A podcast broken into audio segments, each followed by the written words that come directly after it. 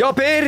Ny uke, nye muligheter, og i dag skal vi snakke om de tingene som bokstavelig talt uh, get inspired, vær klar. Vi skal snakke om uh, forskjellen på dumme og smarte penger, vekstselskaper, startup labs og ikke minst gigantiske suksesser. En av de står rett fremfor meg nå. Silje Landevåg, du er en gigasuksess. Vi har pratet om butikk på bakrommet før vi gikk inn her sånn. Jeg er målløs av beundring og er superimponert, og det er eh, en av 100 000 kanskje som er så suksessrik som deg. Velkommen til podkasten vår! Tusen takk. Stor stas å få være her.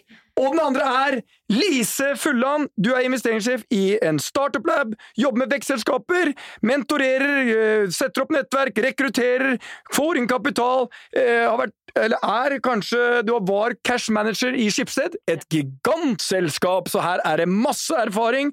Du har master i finans, MBA og er autorisert finansanalytiker. Nå følte jeg meg plutselig veldig uutdannet med mine frukt- og grøntkurs, grillkurs, og da ikke minst ett år på Markedshøgskolen.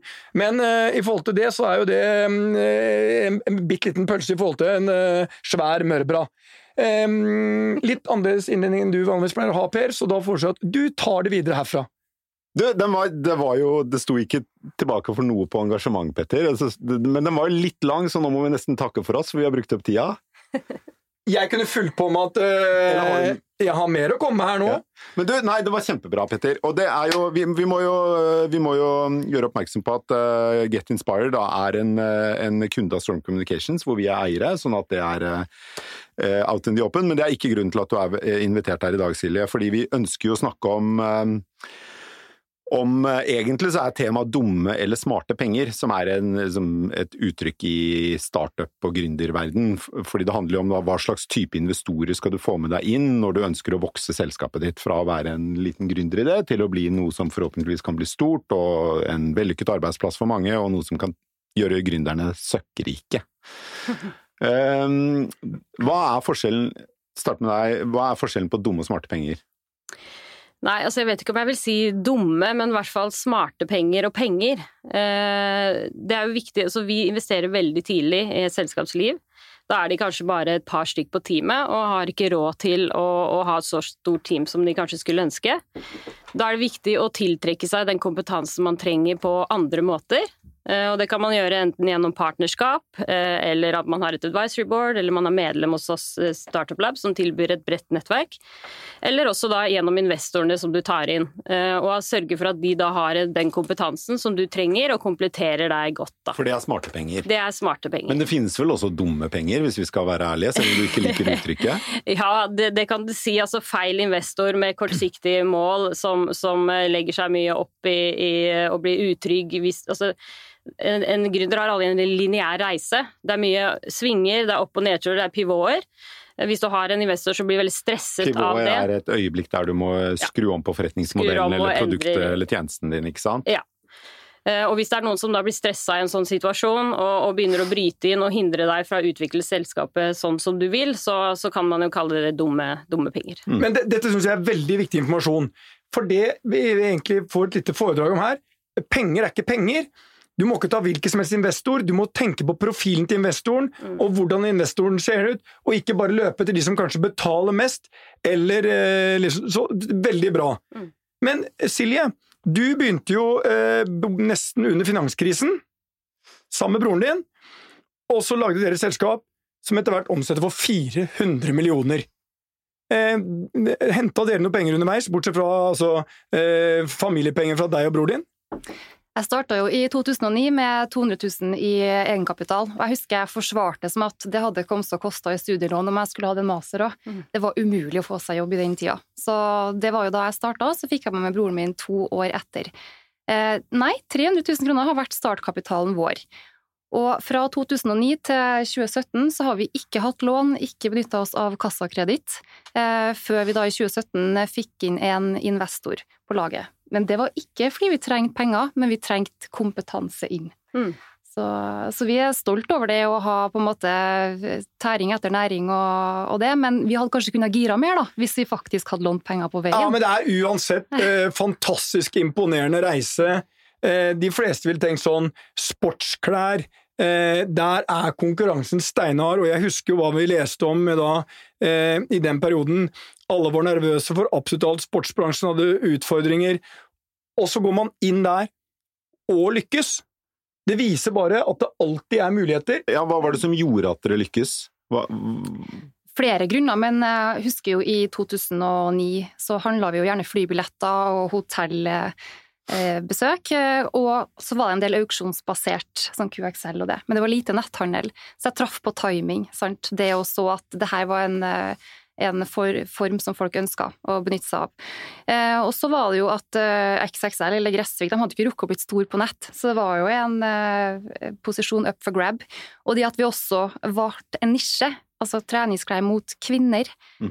og hadde et fresht og kult utvalg. Det var et friskt pust i markedet. sånn som Hvis du ser på XXL og de andre, så er de jo sport og villmark, og et litt mer maskulint uttrykk. Eh, I tillegg så var vi jo tidlig ute med å bruke sosiale medier. Vi begynte jo med bloggere eller influensere i 2011 allerede, og var også opptatt av å bygge Get Inspired til å bli en influenserbedrift. Så vi har jo 180 000 følgere nå på våre kanaler som vi kommuniserer med, med daglig. Og så har dere hele veien tjent penger, eller eh, fordi du sa at det var først i For noen var det i 2019 du sa? I 2017 fikk vi inn 2017. Eh, Tja, ikke alltid tjent penger. De første to årene var jo to rotete år. Jeg har solgt alt ifra DVD-er, duftlys, trenings... Eh, altså yogamatter, pilatesballer, you name it. Til at jeg traff Blink i 2011 på, på sortiment, som mm. da var treningsklær. Eh, første to årene så hadde jeg jo ikke lønn, eh, men i 2011, når det løsna da, med treningsklær, og etter hvert så hadde vi jo en eh, tights som plutselig alle skulle ha, som var litt breakthrough-produktet. Hva het tightsen? Det var en sånn shaping tights, Petter, som forma, løfta, hold inn, og altså drømmetightsen til oss sammen. Nå skulle du bare sett det store semilet som er på andre siden av bordet her nå. Det er omtrent det må være samme følelsen du har, Lise, når dere finner den perfekte investoren.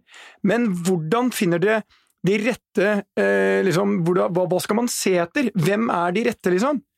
Du, du, du, jobber med det, du er proff på det her. Ja, så det, det som er uh, viktig, eh, bare for å si vi i Startup Lab, vi er jo også investor selv. Vi investerer direkte i selskapene som er hos oss. Eh, og våre investorer igjen er tidligere, i hovedsak tidligere suksessfulle tech-gründere, som da i, i en pay it forward-ånd investerer da i neste, neste generasjons næringsliv. Og en av de tingene vi jobber mye med i selskapene våre på, er nettopp det å finne investor i neste fase. Og det er jo et eh, stykke omfattende arbeid, det er et langt samarbeid når man går inn så tidlig. Skal, dere skal være sammen i mange år i opp- og nedturer. Så det gjelder for gründeren å gjøre hjemmeleksen sin, bli kjent med de som er der ute. Hva er det de investerer i, hva er verdiene deres, er det sammenfallende? Eh, har de den kompetansen du trenger, enten det er nettverk eller om det er en spesifikk kompetanse, det er internasjonalt nettverk eller andre ting som gjør at de kan være en god match.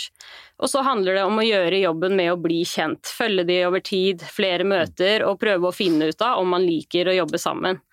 Investerer du også i selskapene? Ja, Ikke i våre selskaper, det får vi ikke lov til. Da må vi investere via vårt, vår investorkollegie. Men jeg investerer utenfor vår sfære direkte selv. Så ikke i selskaper som Startup Lab er investert i, men andre selskaper som du liker av ja. en eller annen grunn. Ja. Men når du da, da, Startup Lab er jo da en som ikke nødvendigvis den største investoren for noen av disse gründerselskapene, men den på mange måter viktigste investoren i en sånn tidlig fase, fordi dere stiller nettverket deres til rådighet og, og, og henter inn andre investorer som ønsker å investere sammen med dere hvis det er en god match. Ja, så vi er førsteinvestor ofte. Ja. Første etter de tre F-ene, på en måte. Så, så, kommer vi inn. Og da enten co-investerer vi med eh, investorer fra vårt nettverk, eller de kommer etter oss. For vi, Når, vi går bare inn én gang. Når da Dere går bare inn én gang? Ja. Hvorfor det? Det var det som eh, var modellen når vi startet i 2013. Så var ønsket å på en måte bryte med det som hadde vært i kjølvannet av dotcom, og prøve å lage det å investere i startups til en aktiv klasse som kunne bli profitabel. Eh, da var det en statistisk modell, investere bredt, og, og håpe at den prosessen vi gjorde, due deal inne i inkubatoren, kunne hjelpe oss å ikke plukke vinnere, men luke ut de med minst forutsetning. Så det er på en måte modellen. Due deal er jo en gjennomgang av hele selskapet, så er det altså due diligence. Ja. Uh, men vi bruker på en måte det at de er medlem i inkubatoren og sitter hos oss, som vår due deal. Vi blir kjent med teamene. Mm. Eh, Og se hvordan de jobber, hvem som får mye ut av lite, hvem som har mye traction, mye fart. Og på den måten så, så føler vi at vi er, har gode forutsetninger. Og fordi dere da bare går inn i en gang, så er det jo viktig for dere at de investorene som kommer inn etter dere, de, de, de må dere stole på ikke kjører en kjempeemisjon til veldig lav verdsettelse, sånn at Ja. verdien av deres aksjer blir vannet fullstendig ut, og heller ikke da gründernes. Men eh, når da dere sier, eh, sier til Sett at dere hadde investert i Silje og Get Inspireds eh, virksomhet da, tidlig som første investor, og så, og så hadde Silje behov for mer kapital, eh, ringer deg og sier du, nå, vi, vi, vi må gire opp eh, logistikken, eller vi må ha et større varesortiment, eller vi skal vokse i nye markeder, eller whatever. Mm, Vi trenger mer penger. mm. Hva gjør du da helt konkret? Konkret da så jobber vi sammen med Silje da på, på verdiforslaget hennes og på altså investor-pitchen, dekket. Hva, Mm. hva er den storytellingen, hva er det hun skal fortelle for å prøve å engasjere investorene? Og når, vi, eh, når hun er klar med det og klar for å gå ut, så- så matchmaker vi. Og det kan være enten Det er mye én-til-én i vårt nettverk, men vi har også eh, type events eh, hvor vi har eh, flere investorer inne, en type speed dating eller en, med flere i samme rom, vi gjør workshops. Og så blir de jo kjent med porteføljen vår over tid, de som følger oss, sånn at de ofte kjenner litt til casene fra, fra tiden hos oss, da. Lise, du, du valgte Nei, Silje. Du valgte helt annerledes, for du valgte en investor som kom inn, som kommer til å være med å følge selskapet. Nå har du penger, dere har et flott overskudd, omsetningen vokser, du traff perfekt inn i pandemien. Eh, Det er ikke alle i det rundt dette bordet som traff like perfekt. Eh, Er, ser du nå at du skal liksom, nå, nesten, nå skal inn i Sverige, jeg skal konkurrere med Craft, eller eh, de lager tights der borte, eller de andre. Er, skal, er det neste nå? For Get Inspired sin del så er det nok ikke utlandet. Eh, Der er det på en måte en del barrierer, bl.a. på toll osv., som, er- som er litt ugunstig, men vi har jo vekstambisjoner, og 2021 har starta knallbra. Altså 2020, eh, ja, 2020 ble bra, men i år blir virkelig bra. Vi har også muligheter for å se på andre markeder. Vi er jo kun mot kvinner i dag, så vi, vi driver og flørter litt med eh, ja, strategi, nye strategier og ser på hva vi skal gjøre. Vi, hva tror du er min mannlige favoritt-tights? Uh, nei, er du jo litt sånn Nike-man, ikke du? Nei, det er faktisk den derre Hva er det, XL, eller hva er? X, 2XU? 2XU? Ja, men da må du oppgrade garderoben litt, syns jeg. Åh! Her, gikk, her sendte vi en av de største liksom, mannlige tights-produsentene rett under bussen! Det liker jeg, litt offensivt. Nei, Du ligger jo litt under den bussen du òg her. Ja, det er bokstavelig talt nå i den uh, tightsen. Men eh, så nye, nye nisjer kan f.eks. da være treningsklær for menn? det kan eksempel være det. Kan det være andre produkter også? Andre typer Vi ser at vi har mye å gå på i kategoriene vi er. For eksempel på, på tur, da, så er vi jo nettopp tatt inn turutstyr, og jeg vet jo at det er en stor eh, omsetning hos, eh, hos andre. Ja, fjellsport for eksempel, som er veldig gode på må- tur. Ja, De har jo vokst kraftig på det. Men- men Per, De jeg er en må- stor inspirasjon Jeg, for dere. jeg, jeg må bare spørre om en ting. Snakk om hva du egentlig nei, nei, nei, nei, nei, nei, nei, nei. Men når det gjelder tights, så du fenomenet at tights er noe som gikk fra at man brukte når man trente, til at det ble sånn eh, Folk går med det på kontoret, når de går ut og spiser Altså, jeg var i Sverige nå, det er jo altså eh, Annenhver eh, jente går i tights. Eh, De skal ikke på trening, de bare, de bare går i det. Ja, Så du det komme? Helt rett. Det, var, det hadde jo litt flaks kanskje med timinga på For den, den kom etter hvert. Ja. Men det gjorde jo til at det boosta naturligvis eh, omsetninga på det. Men så så vi også at det gikk over fra å være sånn fitness-trend til at det ble en mer sånn turtrend. Alle skulle ut i fjellet, og eh, da så vi også influenserne begynte å poste andre typer bilder på Instagram. Så eh, i 2015 så begynte vi med turklær, før det var det kun trening. Og den kategorien skjøt jo raskt forbi treningsklær. Så trening er kun 8 i dag, faktisk. Men det, det, det interessante er, du har jo der, eh, de som går først inn, eh, tilbake de som går først inn, og så er det de som liksom følger de andre, og langt nede på kurven så har du etternølerne, Mm. som til slutt begynner å gå i tights når de ikke er på trening. Den dagen Per Valbrok kommer i dette stormkaststudio i tights, Ja. da er vi virkelig på etternølerne, de siste, som tar i bruk en, en ny trend. Og så, og så kommer det å er komme et inn døra her. salgssignal på Get Inspired, vil jeg altså, si. Ikke der, det er hele, da, er, da, er, hele- er dette over. Dette fenomenet er over. Når du kommer og sier Petter, nå har også jeg fått tights, da kommer jeg til å brenne alle tightsene mine og begynne med kortbukse. Men jeg skulle si en ting. Det, Fordi var, noe innovatør på mote er jeg ikke. Det ville vært den største overdrivelsen eh, Det ville det. noensinne. det, ville det. Når jeg ser på deg i dag, Jan Thomas, terningkast to. Ja. Og det, du får én ekstra for skoa. Men jeg skulle spørre Lise om en ting. Du er, du er vel enig med at hvis du så liksom for 24 måneder siden, så skjedde det enormt mye i Sverige, og det skjer fortsatt enormt mye i Sverige, veldig mye også sentralisert rundt Stockholm. Men det er, er det bare meg som har en følelse? Eller at det har kommet en sånn enorm boom nå! Altså, vi har unicorns, ikke bare Kahoot, Remarkable, det der Autostore Autostore, ja, Oda. Ja, selskapsår har vært liksom titalls milliarder! Eh, pluss, er, det, er det bare meg som føler at det kommer liksom tidenes ketsjup-effekt som viste at oil and gas, det er supra, men dette er noe av det nye Norge? Er, det, er, er det bare meg som leser bare gode nyheter og glemmer at nei, det er omtrent same same? Nei, vi, vi er jo eh, investor både i Remarkable og var i, i Kahoot, så, så vi føler jo det samme. Eh, Og det, vi ser veldig godt trykk på tross av korona, så er det veldig godt trykk hos oss. Vi har all time high medlemmer i inkubatoren og gjør veldig mye investeringer om dagen. Så nå ser du, Vi har jo alltid hengt litt etter Stockholm, kanskje opptil ti år etter de, eh, og det som har skjedd der. Og, og vi er nå på en måte på vei litt inn i den, eh, den eh, epoken som de har vært i foran oss. Da. Så det er veldig mye spennende som skjer, og veldig mye som skjer. Eh, Også mye penger da, i denne tidligfasen. Silje, eh, en ting jeg eh, lurer på, bare som prøver å oppsummere dette. fordi en ting du, du kan ikke liksom du er ikke født med en naturlig evne til å fange en makrotrend. Det tror jeg de færreste er. Så det er, jo, det er jo et element av flaks oppi det også, selvfølgelig. Og det tror jeg det er for alle gründere som virkelig er blitt store og vellykkede. At de treffer riktig på en makrotrend, som du har gjort. Men Eh, Men eh, altså, det er fullt mulig å treffe en makrotrend og mislykkes formidabelt også, så det er jo noen egenskaper du må ha for å ri den makrotrenden på en måte som gjør at du kommer godt ut av den. Tre egenskaper, basert på dine erfaringer, som du tenker at uh, dette er det du må ha for å ri en makrotrend på en bra måte. Jeg tenker at du bør enten være en jækla god selger sjøl, eller ha en, en bra selger på laget. Mm. Eh, Min styrke er jo at jeg har markedsføring i bunn, eh, og jobber med merkevarebygging og, og det hele, eh, hele veien. Så nå når jeg på en måte skal gå, jeg er jo som ny inn i investormiljøet, sant. Eh, Det er jo helt, jeg har jo bakgrunn som sagt markedsføring, ikke finans. Men det jeg kan tilføye nå, det er jo faktisk kompetanse innen markedsføring. Mm. Og det er jo også når vi snakker om Keystone-investorer, så er det jo hvilke type penger trenger du, og hvilken type kompetanse trenger du. Og det- den posisjonen skal jo jeg ta. Mm.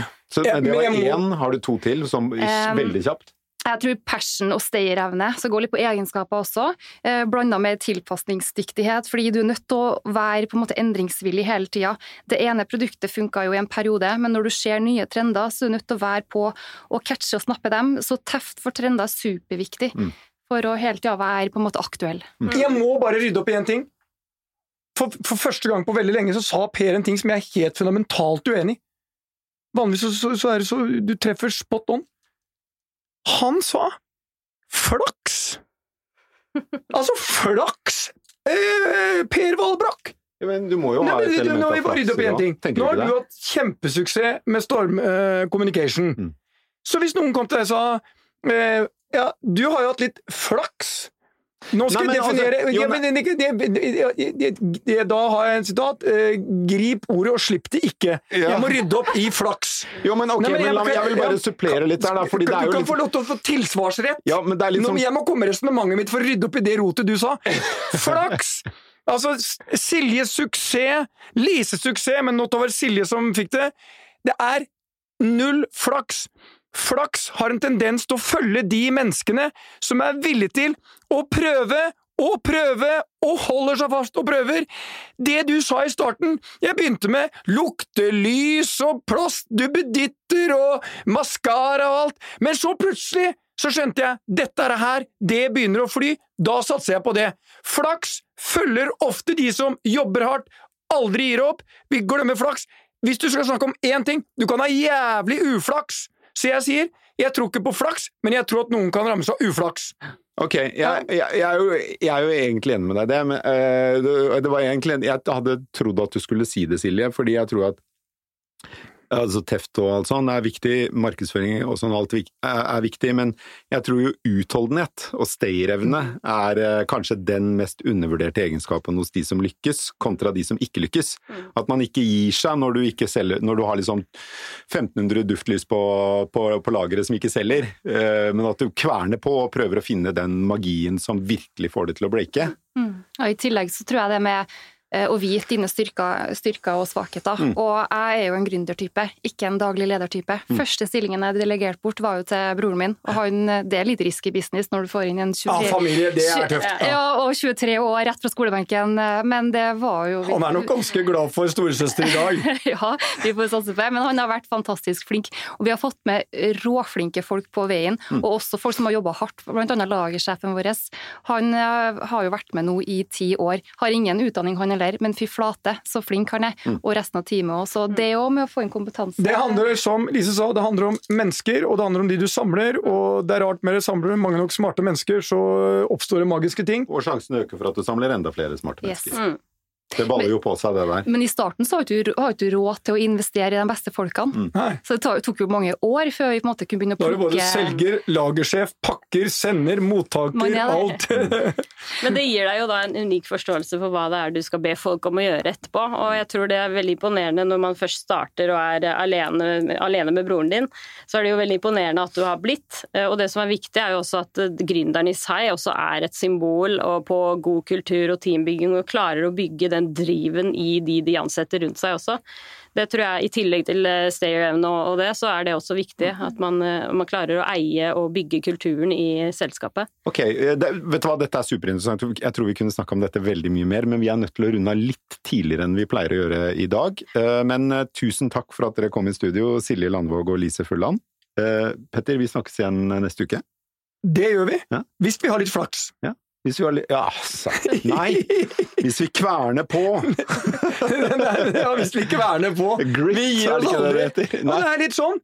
Jeg begynte jo egentlig som et sidekick til deg her, sånn skulle være med i én sending. Nei, det skulle og her er det et par sendinger. Og her står jeg fortsatt og prøver som best jeg kan å holde følge med deg. Og jeg kverner på og holder ut med deg. Absolutt. Ja. Og du har hatt mye flaks som traff meg.